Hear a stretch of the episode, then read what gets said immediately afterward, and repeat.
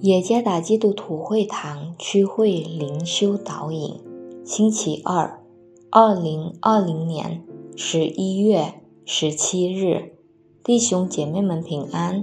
今天的灵修导引，我们借着圣经出埃及记三十二章一到十四节来思想今天的主题：以柔软的心换硬之景象。作者谢新荣弟兄，出埃及记三十二章一到十四节，第一节，百姓见摩西迟延不下山，就大家聚集到亚伦那里，对他说：“起来，为我们做神像，可以在我们前面引路，因为领我们出埃及地的那个摩西。”我们不知道他造了什么事。第二节，亚伦对他们说：“你们去摘下你们妻子、儿女耳上的金环，拿来给我。”第三节，百姓就多摘下他们耳上的金环，拿来给亚伦。第四节，亚伦从他们手里接过来，铸了一只牛犊，用雕刻的机具做成。他们就说：“以色列啊，这是领你出埃及地的神。”第五节，亚伦看见，就在牛犊面前祝坛，且宣告说：“明日要向耶和华守节。”第六节，次日清早，百姓起来献燔祭和平安祭，就坐下吃喝，起来玩耍。第七节。耶和华吩咐摩西说：“下去吧，因为你的百姓，就是你从埃及地领出来的，已经败坏了。”第八节，他们快快偏离了我所吩咐的道，为自己铸了一只牛犊，向他下拜献祭，说：“以色列呀，这就是领你出埃及地的神。”第九节。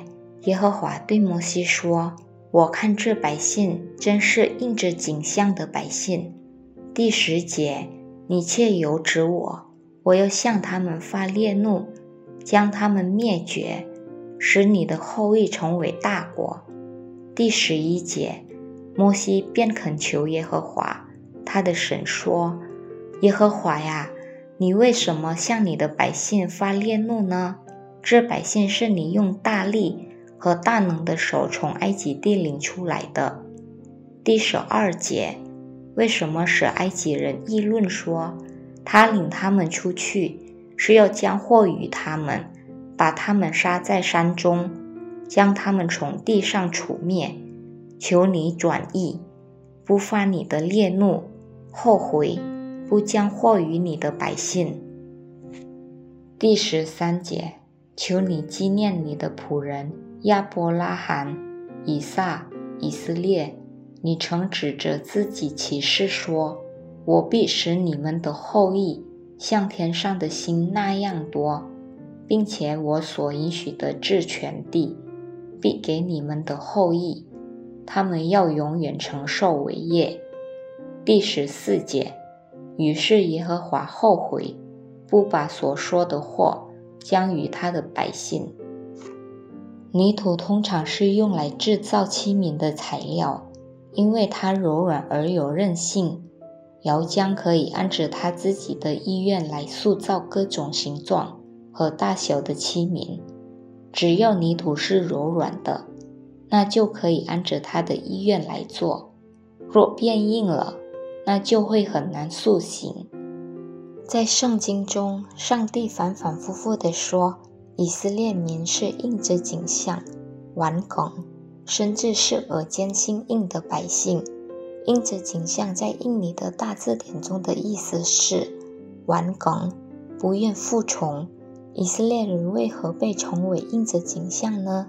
因为上帝已反复地透过许多的先知、奇迹和各种的考验与方式说话。那一切所发生的事。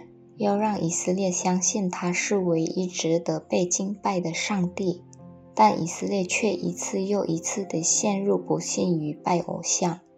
在历史上，我们可以看到有各种栽培的过程，甚至惩罚也临到以色列民头上，就是那被上帝所拣选的百姓。